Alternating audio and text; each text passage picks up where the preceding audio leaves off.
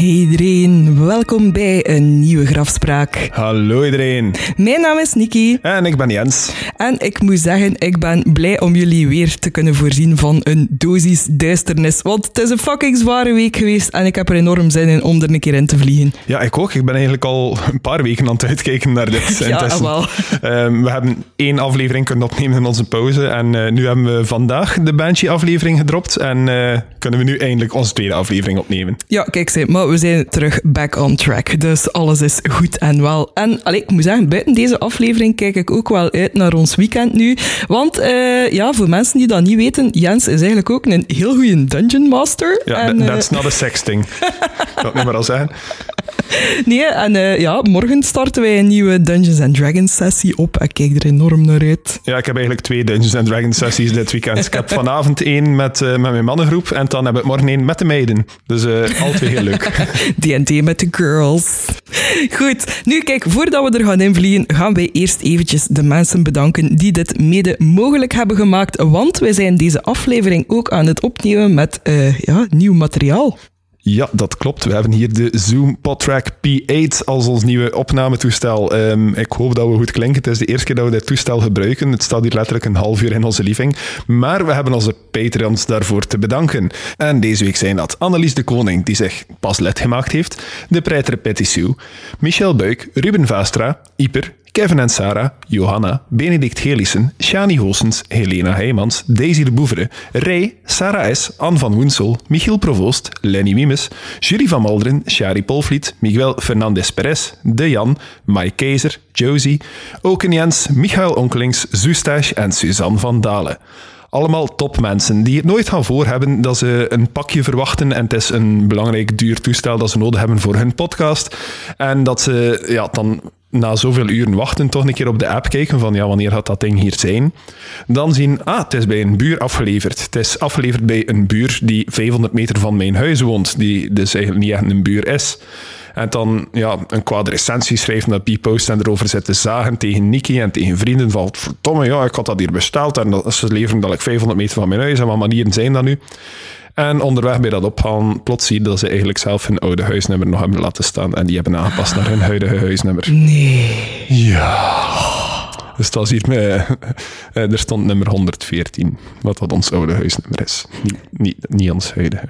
Ja, en hebben we hier een les uitgeleerd voor de rest van ons leven. Nee. Absoluut niet. Ehm, maar wat ik wel geleerd heb, is hoe dat je met zo'n Zoom-podtrack moet werken. En ik vind dat heel leuk. Er zitten bijvoorbeeld ingebouwde sound effectjes op. Dus nu moet ik niet meer achteraf in de edit, wanneer dat een van ons twee duivel gezegd heeft, moet ik dat hier niet meer insteken. Ik kan gewoon op een knopje doen en dit gebeurt. Leuk, hè? Fantastisch. Ja. Dus als jij met de mond wilt snoeren, kun je gewoon op die klop blijven duwen. Zoveel, ja, ja. dit, dit wordt uw leven nu. Maar, Nicky, er zit niet enkel een fietsbelletje in. Er zit ook een spraakberichtje in. Klopt. En deze keer hebben wij eentje gekregen van luisteraar Renske. Ja, we gaan een keer luisteren wat dat Rinske ons te vertellen heeft. Hi Jens en Rinske hier vanuit Nederland.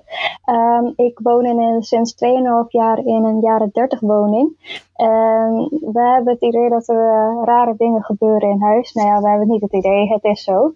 Eh, we hebben meerdere keren gehad dat mijn vriend riem op mysterieuze wijze echt helemaal verdwenen was. En even later weer terug eh, vonden, eh, vonden we zijn weer. Maar we hebben ook ehm, gekke bloedvlekken door het hele huis heen gevonden. En we hebben een kat rondlopen, maar van de kat was het bloed niet. En het was ook heel gek, want toen ik het eh, voor de eerste keer bloed vond, was het ook nog vloeibaar. En ja, zoals ik al zei, onze kat die had geen bloed en ik zelf ook niet. Dus waar het vandaan kwam, geen idee. Ehm, verhuizen, zou ik zeggen. Ja, Renske, get the fuck out of there. Ehm, ja, wel, ik vond het wel al goed. eh, ja, dat is ook de eerste stap dat ik al direct aan dacht van, zijn er huisdieren aanwezig die misschien met die riem gaan lopen waren of zo? Ehm, maar de kat valt dus blijkbaar al af als schuldige. Ja, ja, misschien was er een spook die naar een fancy party moest en ja, die een afzakkende broek had of zo.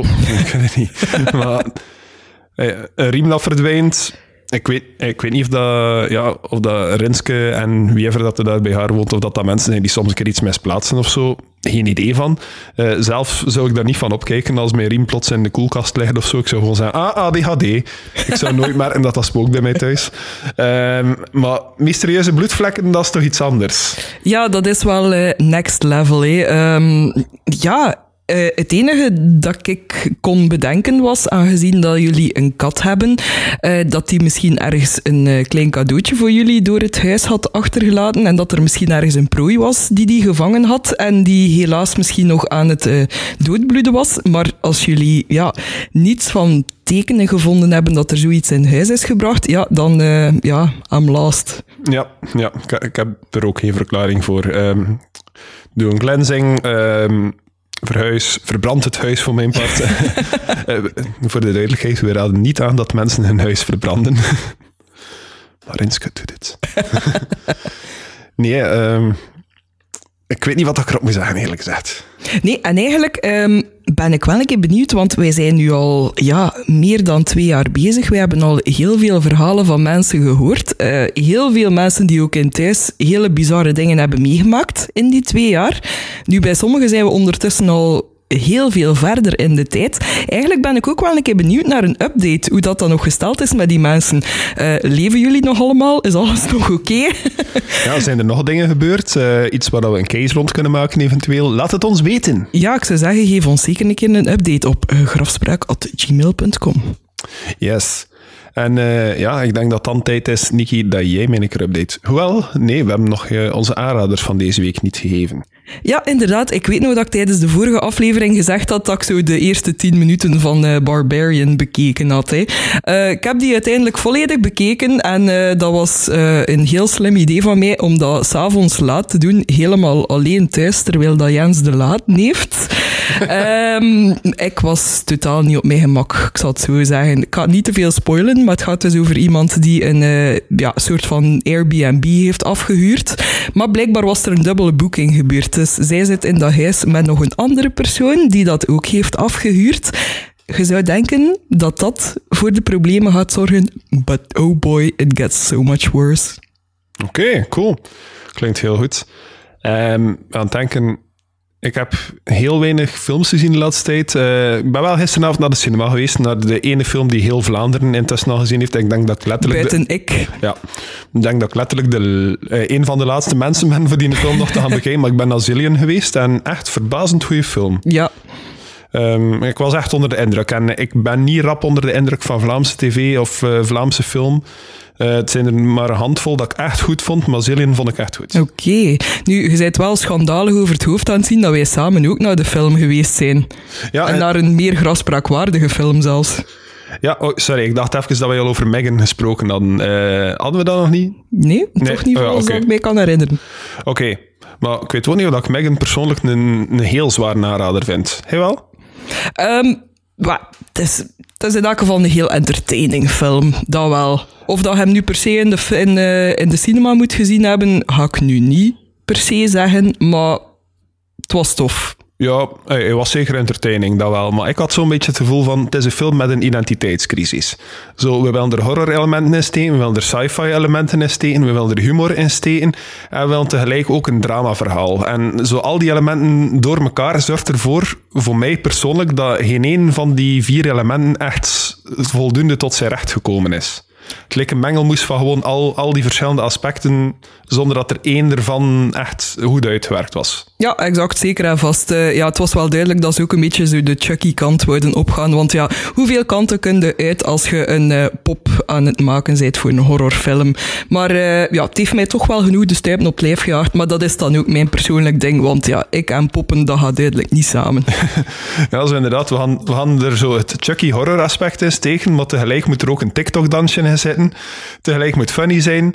En tegelijk moet je, moet je ook meeleven met de personages. En moet een heel zwaar drama-verhaal zijn over een kind die haar ouders verliest. Zo al die elementen samen, ja. It didn't work for me. Nee, maar gelukkig heb ik wel een ander verhaal die wel alle horroraspecten heeft, die wel enorm grafspraakwaardig zijn. Gaan we erin vliegen, Jens? Uh, ja, ik heb geen series meer om te vermelden. Ik heb niet meer naar podcasts geluisterd. Dus als dat voor u ook oké okay is. Heb je leven gehad? Nee. Ik heb net wel een leven gehad. Dat is waarom dat ik die dingen niet gedaan heb. Ik heb heel de week exact. D&D zitten voorbereiden. Goed, we gaan erin vliegen. Uh, de case dat ik deze week voor u heb voorbereid, Jens, um, het is eigenlijk een beetje meer in de true crime sfeer. Dat we ons vandaag gaan begeven. Maar ik vond wel dat er genoeg elementen waren om het wel een boeiende case te maken om hier ook te bespreken. En ik moet zeggen, toen mij ook wel een beetje denken aan een case die jij ook al een keer besproken hebt, maar ik ga er nog niet te veel details over geven voor de rest. Nu, in Hinterhaifeck staat een boerderij waar een gezin van vijf personen woonde. En die zijn helaas heel notleuk Nood... Oh. Dat leutig. is dat Duits? Ja, vanaf nu wel. Die zijn heel noodlottig tot hun einde gekomen. Uh, in de jaren 1922. Dus eigenlijk ja, net iets meer dan een eeuw geleden. En Jens, die moorden zijn tot op de dag van vandaag nog niet opgelost geraakt. Oeh. Nu, zoals gezegd, bevinden we ons in Hinterhaifeck. Dat is een deeltje van Whitehofen. En dat bevindt zich zo'n 70 kilometer ten noorden van München. Ik heb hier nog een foto gevonden van de boerderij ook. En op die boerderij woonde het gezin Gruber. Ja, ja, dat is, dat is een boerderij. Met, ah. uh, met de kleine raampjes en de witte muurtjes, zoals dat uh, iedereen wel al een keer zo boerderijen in plattelandsdorpen gezien heeft. Voilà, dat is een boerderij. Aan het hoofd van dat gezin staat de 73-jarige Andreas en zijn vrouw Casilia. Uh, samen met hen wonen ook hun dochter Victoria in. die woont er eigenlijk met haar twee kinderen Jozef en Casilia dus twee Casilia's in het gezin. Uh, zij woont er eigenlijk als weduwe in, omdat haar man gestorven was. Nu, um, ik heb hier een foto nog. Daar staan er nog een paar extra personen op, waarvan dat ik niet zeker ben wie het allemaal zijn. Maar hier kan je dus wel de gezinsleden terugvinden. Ja, dus uh, het gezin bestaat inderdaad ja, uit uh, twee oudere mensen, zo te zien paar volwassenen, zo ja, tussen de 30 en de 40, een paar kinderen en zo twee personen die, die op vier poten staan, die lange oren hebben en een heel lange neus. Nu weten we wat het ergste was. In een van mijn bronnen werd er gezegd dat de dochter Victoria dat die middle-aged was. Dat kind is 35. Ik voelde mij echt aangesproken. Toen was dat middle-aged. nu, de foto die we hier aan het bekijken zijn, is van ongeveer 1921. Dus eigenlijk een, ja, een klein jaar voordat de mensen helaas aan hun einde zijn gekomen. Nu, um, tot in ongeveer 1921 hadden uh, de Grubers een huishoudster in huis. Uh, in de winter van 1921 zou zij echter plots haar ontslag geven. Um, zij beweerde dat dat eigenlijk was door de schrik dat ze had opgedaan toen dat ze in het huis was op een dag. Ze beweerde namelijk dat ze voetstappen kon horen op zolder, dat ze vreemde stemmen hoorden en vreemde geluiden die, die van overal in het huis leken te komen. Ze was er eigenlijk van overtuigd geworden dat het spookte in het huis en ze wou er geen seconde langer binnen blijven. Um, het kwam ook dat ook Casilia, de oudste, uh, het vreemde geluid geluid zou beginnen horen op de zolder. Zo midden in de nacht. Niet leutig. Niet leutig. Nu, gelukkig lieten ze het daar niet bij en uh, wist Andreas wel van wanten. En hij ging meteen ook telkens op zolder gaan kijken of er daar iets te zien was. Maar vreemd genoeg kwam hij altijd van de kale reis terug. Hij kon niets vinden wat dat die geluiden kon veroorzaken. Nu, de maanden die daarop volgden, zouden de Grubers nog meerdere vreemde zaken beginnen meemaken, zowel in als rond het huis. Uh, Andreas die deed op een dag zijn controleronde van het domein en uh, toen merkte hij plots, ja, het had nog heel erg gesneeuwd, was nog de, de nasleep van de winter. Hij merkte plots dat er een spoor voetstappen vanuit het bos naar het huis toe ging. Oei, dat is nooit goed, hè? Nee, en het vreemde was ook dat dat het enige paar voetstappen was dat te merken was. Dus die waren in het huis gegaan, maar er waren nergens andere voetstappen dat die ook terug naar het huis keerden. Dus, dus geen, geen vertreksporen wilde zeggen? Wel, Nee, inderdaad. Ah ja, oké. Dus ja. enkel maar van het bos naar het huis. Ja, met dat je zei dat er geen voetstappen waren die terug naar het huis keerden, was ik even in de war. Eh, excuseer. Ja, ik had dan ook net een hoofdpijn-nap gedaan voordat wij begonnen opnemen. Dus het is misschien nog een nasleep ervan. Het is oké, het is oké. Het was gewoon ter verduidelijking. My brain no worky today. Oké, dus Andreas deed een nieuwe grondige poging van de premises van het huis, maar hij kon dus niets of niemand vinden. Ehm, op een avond zou hij dan zelf ook gewekt worden door diezelfde geluiden die de huishoudster en Casilia beweerden te horen. En eh, ja, leutig. Niet leutig. maar ook deze keer eh, was er eigenlijk weer niets te zien op die zolder. Nu, een beetje later, wanneer dat de winter al goed en wel gepasseerd is, zijn we 30 maart. En dan eh, ja, zijn er weer nog vreemde dingen die gebeuren in en rond het huis. Zo merken ze dat er plots iets achtergelaten is aan hun voordeur. Het blijkt een krant te zijn, maar niemand in het gezin had een krant gekocht of had een abonnement op een krant of meegenomen naar het huis. Niemand wist hoe dat die krant daar eigenlijk geraakt was. Laat staan dat ze konden lezen. Nu, die dag eh, zou ook blijken dat een van de sleutelbossen van het gezin in het huis zoek was geraakt. Eh, die is ook nooit meer uitgekomen, blijkbaar. Maar Andreas zou wel gemerkt hebben, toen dat hij opnieuw een grondige controleronde deed in het huis, eh, dat hij wel een spoor van inbraak had gevonden. Of toch een poging daartoe, alleszins. Ehm, er was een reeks krassen te zien aan het slot van zijn werkplaats. Nu, in al die maanden eh, dat de vorige huishoudster gestopt was, hadden ze het eigenlijk heel moeilijk eh, om iemand nieuw in huis te halen. Want je moet weten, ehm, het gezin had eigenlijk ook niet zo'n goede reputatie in het dorp. Daarover ga ik straks meer vertellen. Maar eh, de volgende dag, dus dan zijn we 31 maart, hebben ze wel geluk en begint er een nieuwe huishoudster, genaamd Maria Baumgartner. Nu, dat was eigenlijk al meteen het begin van het einde.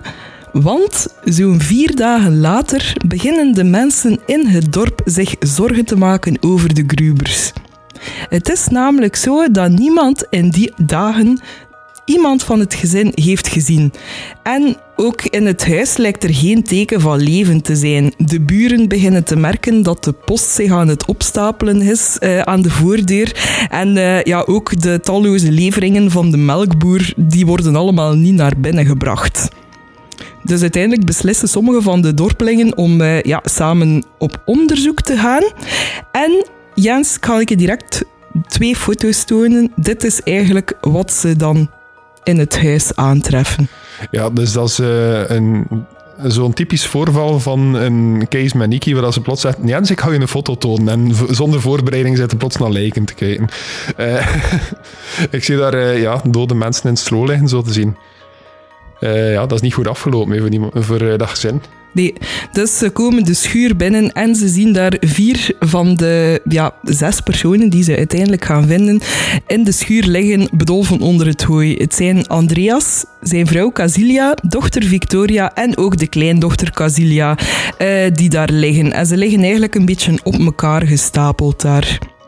Ja, we zullen deze foto's trouwens niet in de casefile steken, maar eh, we zullen misschien wel een link er naartoe zetten of zo, zodat je, wie dat ze wel kan bekijken.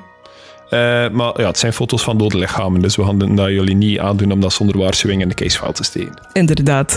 Nu ook eh, de kleinzoon Jozef en ook ja, huishoudster Maria, die zoals dat ik gezegd had, eigenlijk nog maar net haar eerste dag begonnen had in het gezin. Ehm, ja, die hebben ook het, eh, het ongeluk gehad om ook ja, gedood te worden. Zij het wel in hun slaap, want zij zijn teruggevonden in hun bed. Oké, ik heb al een eerste theorie. Oké, wilde die al delen? Ja, ja. Het was Maria, maar ze heeft gewoon haar kleren aangedaan aan een paard en dat in dat bed gelegd. Case solved. Ik ben naar huis. Wel Jens, ik moet je teleurstellen, want er wordt wel degelijk onderzoek gedaan naar de moorden en de lichamen. En dat mag ook hopen, ja.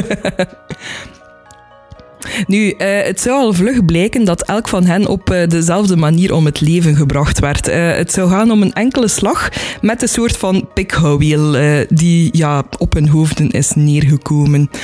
Nu, uh, moet wel gezegd zijn, het onderzoek was al van in het begin een heel moeilijke zaak, want uh, ja, het was een heel afgelegen dorpje en het dichtstbijzijnde politiekantoor bevond zich in München, wat dat, uh, zoals ik al gezegd had, zich op 70 kilometer van het dorpje bevond. Um, dus vooraleer dat er daar iemand van die agenten nog maar geraakt was, waren er eigenlijk al heel veel dorpslieden geweest die zich gemoeid hadden met het onderzoek en die eigenlijk de crime scene al een beetje aan het contaminaten waren. Iedereen liep daar een beetje over en weer. Dus ja, alle voetstappen. Uh, ja, het lag vol met voetstappen, al het hooi was al in het rond. Uh, ja, die lichamen zullen misschien ook wel al aangeraakt geweest zijn of iets dergelijks. Dus allee, dat bemoeilijkte het al in elk geval. Ja, tuurlijk. Het was, het was Duitsland vlak na de Eerste Wereldoorlog. Dat land zat heel diep in een financiële crisis op dat moment. Er was ook niet zoveel te doen qua entertainment waarschijnlijk. Dus een moord in het dorp en geen vliegen die, uh, die het onderzoeken zijn dat zal inderdaad wel zorgen dat heel tor erop afkomt. Hè. Exact. Nu, hoe dan ook, volgens de reconstructie zouden de moorden dus als volgt gepleegd zijn. De moordenaar of moordenaars eh, zouden zich in de schuur bevonden hebben en zich daar verscholen hebben. Eh, ze zouden dan geprobeerd hebben op de een of andere manier om eh, de leden van het gezin eigenlijk één voor één tot zich te brengen. Um, want de Grubers hadden wel ook um, ja, vee. Ze hadden ook paarden, zoals je op de foto hebt kunnen zien. um, dus er wordt vermoed dat ze misschien op een of andere manier geprobeerd hebben om te klinken als een dier dat pijn aan het lijden is. Ik weet niet of dat jij dat misschien een keer wilt voortonen aan de mensen, hoe dat, dat zou kunnen klinken. Ja, exact. Is dat dat een paard klinkt? ik ga ervan uit van wel. ik heb nog nooit een paard in het echt gezien, kan dat niet. Nu, op die manier zou dan eerst uh, Andreas de schuur binnengegaan zijn, dan oude Casilia, gevolgd door Victoria en kleine Casilia. Um, nu, het meisje is helaas wel de enige waarvan vermoed wordt dat zij wel nog een uh, strijd heeft geleverd voordat ze uiteindelijk aan haar verwondingen bezweken was. Um, want er werd namelijk heel veel plukken haar gevonden uh, die uitgetrokken waren. Dus er wordt vermoed dat ze eigenlijk ja, uiteindelijk wel gestorven is van de hoofdwonden, maar ook van de shock wat dat er gebeurd is natuurlijk. Ja, en dat zou ook wel nog de tijd voor DNA geweest zijn, veronderstel ik. Helaas wel. Nu, het onderzoek zou aantonen dat de leden van het gezin en Maria daar eh, eigenlijk al een paar dagen gelegen hebben en dat de dag van de moorden dus effectief die vrijdag 31 maart geweest zou zijn. De dag dat Maria dus begon te werken in het gezin. Mm Dus allee, ik denk niet dat je een ergere slechte... denk niet dat je een slechtere eerste werkdag kunt voorstellen. Uh, nee, moeilijk. Nu, vreemd genoeg zouden de inwoners van het dorp echter wel beweren dat ze in die vier dagen voordat de lichamen gevonden werden, um, nog rook uit de schoorstenen zagen komen. Uh, dat het ook leek alsof dat hun dieren verzorgd en gevoed werden. En ja, ook toen dat het huis onderzocht werd, uh, zou bleken dat er in de keuken ook nog overblijfselen gevonden waren van recent gegeten maaltijden. En uh, ja, zou blijkbaar zelfs een van de bedden nog warm hebben aangevoeld. Oké, okay, ik heb een tweede theorie. Spill it. Dit verhaal is gewoon Animal Farm, maar van een andere kant bekeken. Opgelost. Fuck die grubers. het waren de varkens. Nu, um, ja, de vraag rijst dan natuurlijk wel: wat was het motief? Um, velen zouden denken, ja, diefstal. Maar dat lijkt eigenlijk een twijfelgeval te zijn. Want er lijkt eigenlijk niet zoveel gestolen te zijn geweest. Um, er zou misschien wel een beetje geld gestolen geweest zijn van wat de personen op zich hadden op dat moment. Maar in huis zou blijken dat er nog heel veel geld en ook heel veel kostbare stukken, zoals gouden juwelen, daar gewoon nog onaangeroerd in huis lagen. Um, het vreemde is ook dat er van Victoria wordt gezegd dat ze kort voordat de moorden plaatsvonden al haar geld uit de bank zou opgenomen hebben. Uh, een aanzienlijk deel daarvan zou ze aan de kerk geschonken hebben, maar wat er met de rest is gebeurd is eigenlijk een mysterie. Niemand weet waarom dat die opname gebeurd is. Well, de rest heeft ze gewoon aan Satan geschonken. Zo blij met je balken. Ik heb speelgoed nu. Een jaar na de moorden wordt de boerderij al afgebroken. Maar uh, bij die afbraak zou wel het mogelijke moordwapen gevonden worden. Want er is namelijk in de zolder een geheim compartiment ontdekt waar er een pikhouweel gevonden werd. En was dat compartiment eventueel groot genoeg dat iemand zich daar kon wegsteken? Ik zou vermoeden van wel. Ik heb daar niet 100% de details over, maar ja, als je zoveel keer gaat kijken op zolder en je hoort geen geluid, Mhm. maar dan vinden we wel dat er een klein hoekje is, ja, Ja, mag ik trouwens nog iets vragen? Zeker. Eh, het kan zijn dat je er straks nog op terugkomt. Hè? En eh, ja, dan kut ik wel dit. Maar eh, je zei daar net ook iets van dat gezin was niet populair in het dorp. Maar weten wat dat de reden daarachter is? Of komt dat? ja, want ik heb gezegd dat dat nog komt. Ah, oei, mijn excuses. het is ook voor mij een lange dag. Zeker. Slash lange week. Nu, wat dat er ook nog gevonden wordt, maar dat vind ik heel tegenstrijdige berichten, omdat eh, de bronnen spreken zich ongelooflijk eh, tegen, is dat er ook een penknife gevonden werd. Dus ik neem aan dat dat zo'n soort van stiletto-mes is of iets dergelijks. Ja, I guess. Ja, ehm, dat is omdat er ook heel veel mensen elkaar begonnen beschuldigen als de verdachten. En dat er iemand op haar sterfbed moet gezegd hebben dat ze iemand kende dat zijn penknife ooit eens is kwijtgeraakt. En eh, ja, dat was voor zo- sommigen al genoeg bevestiging om die als eh, schuldige aan te duiden. Dus, ehm, maar eigenlijk over het algemeen wordt het pikhouweel wel gezien als het moordwapen. Eh. Een penknife is een soort Voilà. zakmes dat je kan Een- inklappen. Ja, zo, ja. stiletto-achtige dingen. Yes. Nu, eh, de politie zou uiteindelijk honderden ondervragingen uitvoeren op zoek naar de dader. En eh, iemand die eigenlijk hoog bovenaan hun lijst stond, was eh, de man waarvan dat Victoria altijd beweerd had dat het de vader van haar zoontje Jozef was. Eh, die heette Lorenz Schlittenbauer. Laurent Schlittenbauer. Oh, dat is mijn favoriete naam van vandaag. Nu, Lorenz eh, die maakte deel uit van de mensen die eigenlijk ehm, ja, als eerste op onderzoek gingen in het huis op zoek naar de Grubers. Ehm, wat dat wel opmerkelijk bleek te zijn, was dat wanneer hij de schuur inging, was hij dus een van de eersten die de lichamen ontdekte, ehm, dat hij ehm, eigenlijk ten eerste heel erg apathisch reageerde, eh, maar ook dat blijkbaar de hond van het gezin vastgeketend hing aan de muur en dat Lorenz eigenlijk de enige was waar dat die hond eigenlijk ongelooflijk agressief naar begon te blaffen. Oké, theorie 3. Fuck you, Lorenz. Ja, eh, wat dat Lorenz eigenlijk nog een beetje eh, meer eh, schuldig maakt, zou ik maar zeggen, eh, is dat het ook een publiek geheim zou zijn dat eh, Victoria Lorenz wou aanklagen om zo alimentatie te kunnen krijgen voor haar zoon. Ah, dus dat Lorenz de vader was. Ja, want allee, dat is wat dat zij beweert. Ja. Maar het is natuurlijk zijn woord tegen het hare. En nu dat Victoria dood is, I mean... Ja, ja, ja. Oké. Het was hem. Nu komen we eigenlijk aan het stuk waarom dat, eh, het gezin eigenlijk ook niet zo populair was. Want, ehm, zoals ik daar juist al zei, het zou heel goed kunnen zijn dat Lorenz helemaal niet de vader is. Eh, want ehm, Andreas die heeft het eigenlijk op zijn geweten dat hij ja, zijn vrouwen van zijn gezin helemaal niet goed behandeld. En dat is eigenlijk geweten over heel het dorp. Ehm, het was geweten dat hij zijn vrouw regelmatig slagen zou toedienen en ook Victoria zelf zou er niet aan ontsnappen. En eh, het zou eigenlijk zodanig erg zijn dat zijn obsessie met haar zodanig groot was eh, dat het eigenlijk verboden werd aan Victoria om een andere man te nemen nadat haar eerste man gestorven was. Maar het zou nog verder gaan. Het zou namelijk ook blijken dat de relatie incestueus zou geweest zijn. Met het gevolg dat er beweerd wordt dat Jozef dus niet de zoon van Lorenz was, maar van Andreas.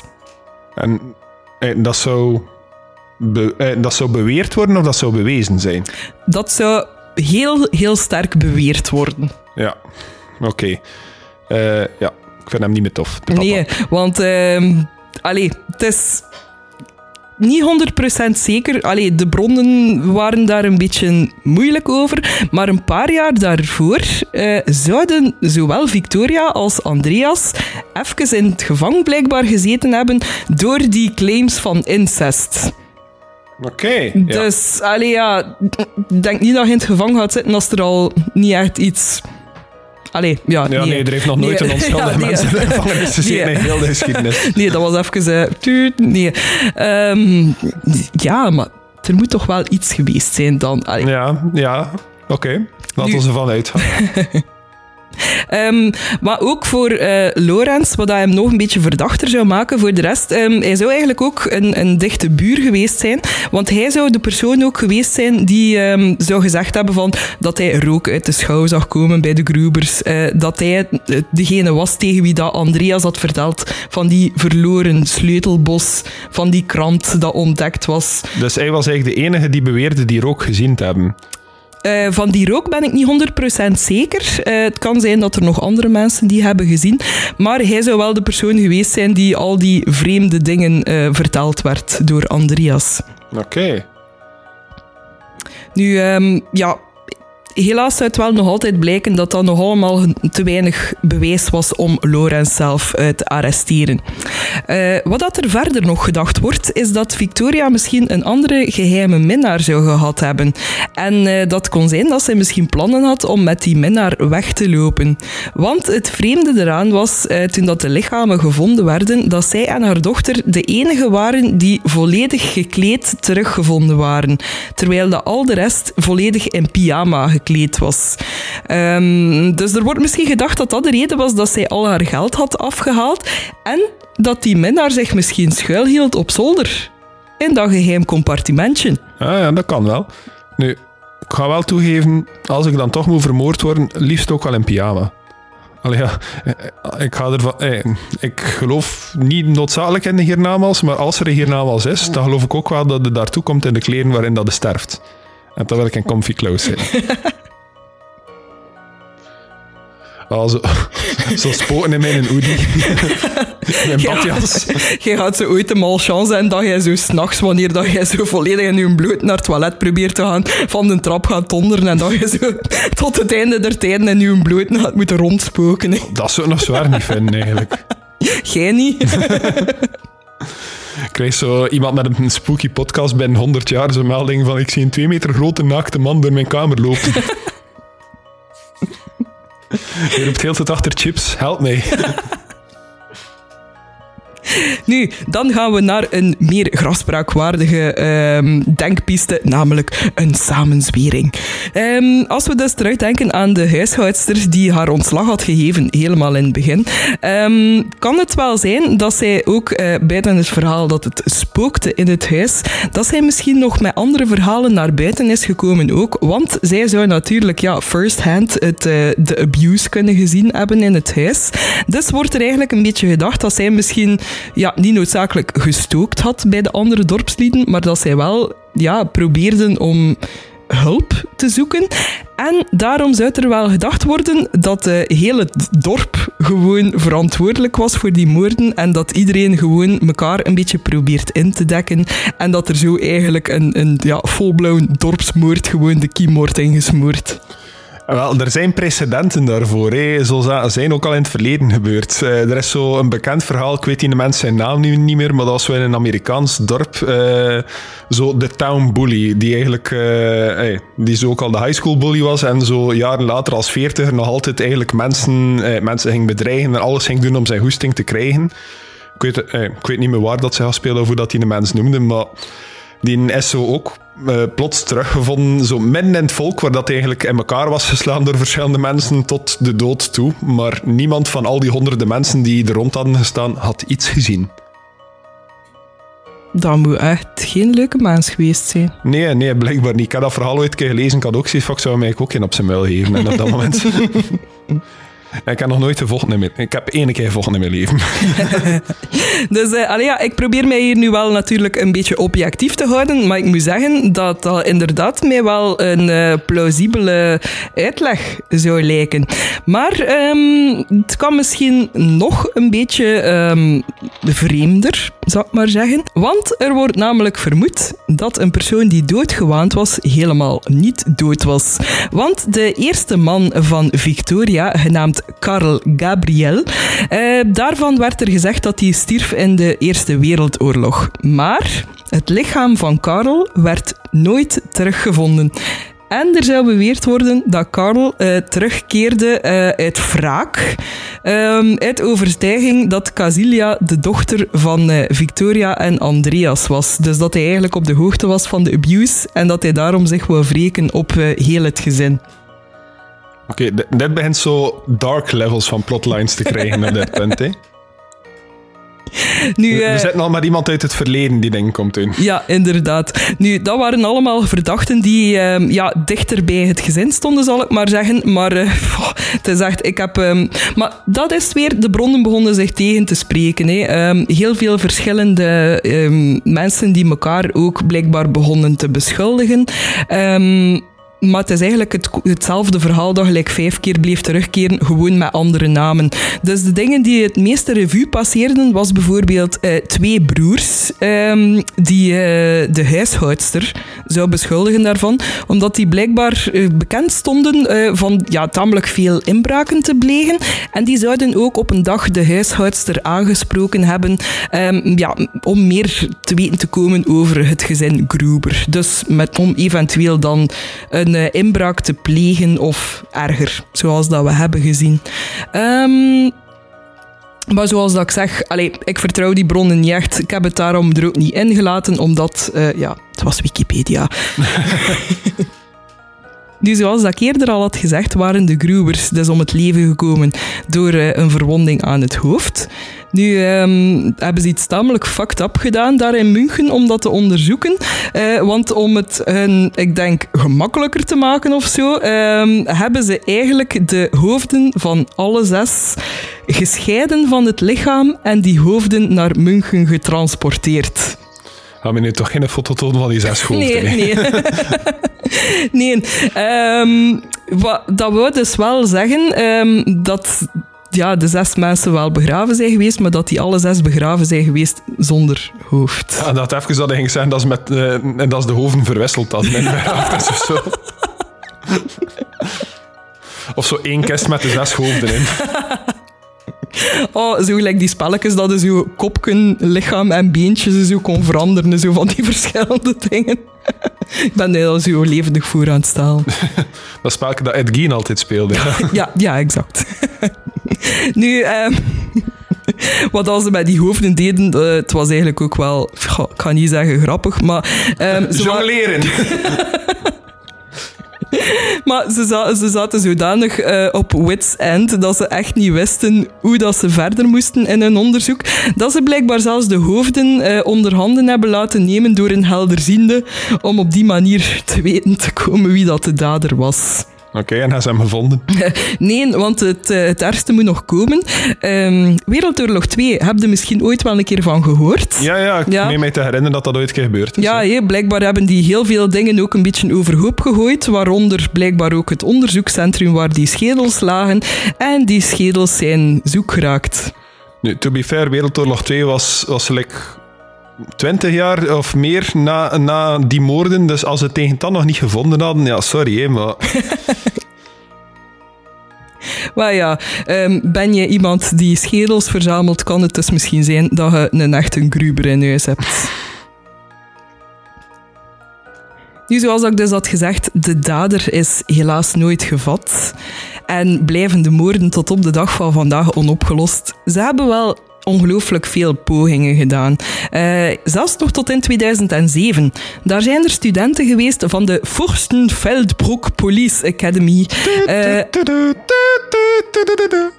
ja, dat is uh, een sound effect dat nog niet in uw mixer zit. De Police Academy team, nee. Dat is voor de volgende keer. Nu, die studenten hebben een poging gedaan om de zaak opnieuw te onderzoeken.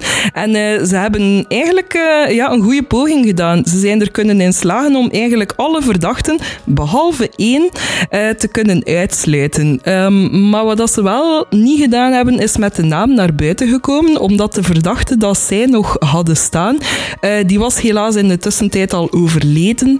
Dus ja, uit respect daarvoor zijn ze nooit naar buiten gekomen met die naam. Maar gelukkig hebben wij dat respect niet. Fuck you, Lorenz. voilà. Nu, zoals ik dus al had gezegd, het huis is eigenlijk uh, daar, allez, een jaar na de moorden al heel snel afgebroken geweest. Dus momenteel is er daar eigenlijk niet echt iets van sporen meer te vinden. Maar ik heb hier wel nog een foto voor jou, Jens. Want ze hebben gelukkig wel nog een gedenkmonument voor die mensen voorzien. Ja, het zijn zes staven met hoofden op. Uh, nee, nee het, is, het, is een, het is een klein kapelletje, ja. Een kapelletje, gelijk of dat is hier in Vlaanderen overal tegenkomt. Ja, inderdaad. En daarbij eindigt ook uh, deze case voor vandaag. Oké, okay, um, ehm, ja, ik denk niet dat we echt iets moeten bepalen van was het echt of was het niet. Want, ja, het, was, het was echt, veronderstel ik. Uiteraard. Um, ja, ik geloof ook niet dat echt iets, uh, dat echt iets paranormaal was of zo. Dus uh, ja, het enige dat rest is onze beste theorie, wie dat gedaan heeft. En mijn theorie is oftewel Animal Farm oftewel Lorenz. Ja, of gewoon iemand die toevallig gewoon het dorp aan het doorgaan was. Hè. Misschien was het echt wel uh, een en dat een killing spree was en gewoon toevallig op het, uh, ja, voor hem, goede moment op de goede plaats was. Ja, wel. Ik, kwam zo van, eh, kwam van Amerika, van, uh, van ja, eerst het Velisca-huis en dan Lizzie Borden-huis en dan is hij naar daar gekomen. Voilà. Maar ik veronderstel dat dat de linken waren naar de overleggen, hè? Ja. ja, dus Lorenz, Laat het ons op Lorenz houden. Fuck you, fucker. Oké. Uh, ja, dat was dus uh, de tweede grafspraak van 2023. En de eerste die echt is opgenomen in 2023. Um, ja, ik hoop dat het allemaal een beetje goed klonk, want voor ons is het eigenlijk ook spannend. Nieuwe apparatuur is toch altijd zo, ja, hoe gaat het klinken? Gaat, gaat beter zijn? We hopen dat het beter is. We hebben erin geïnvesteerd dankzij de Patreons. Dus uh, laat het ons weten wat jullie ervan vinden. Ja, zeker en vast. Geef ons zeker jullie feedback. En uh, ja, jullie mogen altijd iets laten weten. Hè. Um, wij staan ook nog steeds open om, uh, ja... Um, Waar sta je voor open? Woorden, woorden, daar sta ik voor open. Uh, wat ik dus wou zeggen, wij staan ook nog altijd open voor ideetjes voor een nieuwe aflevering. Uh, dus hebben jullie nog cases in jullie hoofd dat jullie zeggen van wij willen dat graag een keer in een grafspraakaflevering gegoten zien? Laat het ons ook zeker weten. Wie meer grafspraak wil, kan naar grafspraak.be gaan. Daar vind je casefiles van alle afleveringen met de stukken video- en fotobewijs. Uh, nog een eigen geschreven tekstje, de links die we gebruikt hebben, een opsomming van de bronnen die we, uh, die we gebruiken. Je vindt er ook een link naar onze webshop waar je het nieuwe design door Arthur gemaakt kan kopen, uh, als ook al onze andere oudere designs. Uh, wat staat er dan nog op? Er is ook een steun ons pagina waar je een link vindt naar onze Patreon, voor wie ook elke week hun naam in de aflevering wil horen met een of ander fictief scenario dat je wellicht nooit had tegenkomen in je leven, dat ik ga vertellen over jou. Um, wat, uh, wat kunnen mensen nog allemaal doen, Niki? Help mij. Uh, ik had even een brain fart. Heb je de webshop al gezegd? Ja, ik heb de webshop gezegd. ja, en, en, Arthur zijn design heb ik ook al gezegd. Um, noem een keer de sociale media op. Verder vind je ons ook nog op alle sociale media, Facebook, Instagram en Twitter onder Graspraak. En als je naar Facebook gaat, neem dan zeker ook eens een kijkje in de groep Graspraak Community. Oké, maar ik heb dat allemaal gedaan. Ik ben naar Facebook gaan, ik ben naar graspraak.be gaan, maar ik ben, ja, ik ben niet zo thuis in podcast. Dat is nog altijd iets redelijk nieuw voor mij. Waar kan ik gaan om, om meer graspraak te horen? Wel, als jij jouw favoriete podcastplatform opent, dat kan Spotify zijn, iTunes, Stitcher, noem maar op, dan moet je gewoon eventjes graspraak intypen en dan vind je al onze afleveringen daar terug. Het enige dat wij vragen is dat je op jouw platform van keuze alles doet dat je kan om ons te steunen. Is dat een rating? Zijn dat vijf sterren? Abonneren? Noem maar op. Doe dat dan alsjeblieft. Ja, daar help je graspraak enorm mee vooruit. Dat zorgt ervoor dat wij meer mensen kunnen bereiken, dat meer mensen ons kunnen ontdekken en dat onze community kan groeien. En ja, voor de mensen die gewoon, die gewoon luisteren en de moeite niet willen nemen om een keer een rating te geven of te abonneren of zo, jullie zijn ook welkom. Maar bij jullie kan het wel eens gebeuren dat het nu het opeens een keer zou toeslaan. Dus neem dat risico niet. Dit was Grafspraak. Tot volgende week. Verkeerde knop. ik moet nog een beetje leren, maar dit was inderdaad grafspraak voor deze week. En ik moet die outro een klein beetje vroeger leren afspelen, zodat we mooi kunnen eindigen wanneer dat net overgaat naar zo die een fellere beat dat je zo meteen zal horen. Ah, jij hebt nog radio gedaan.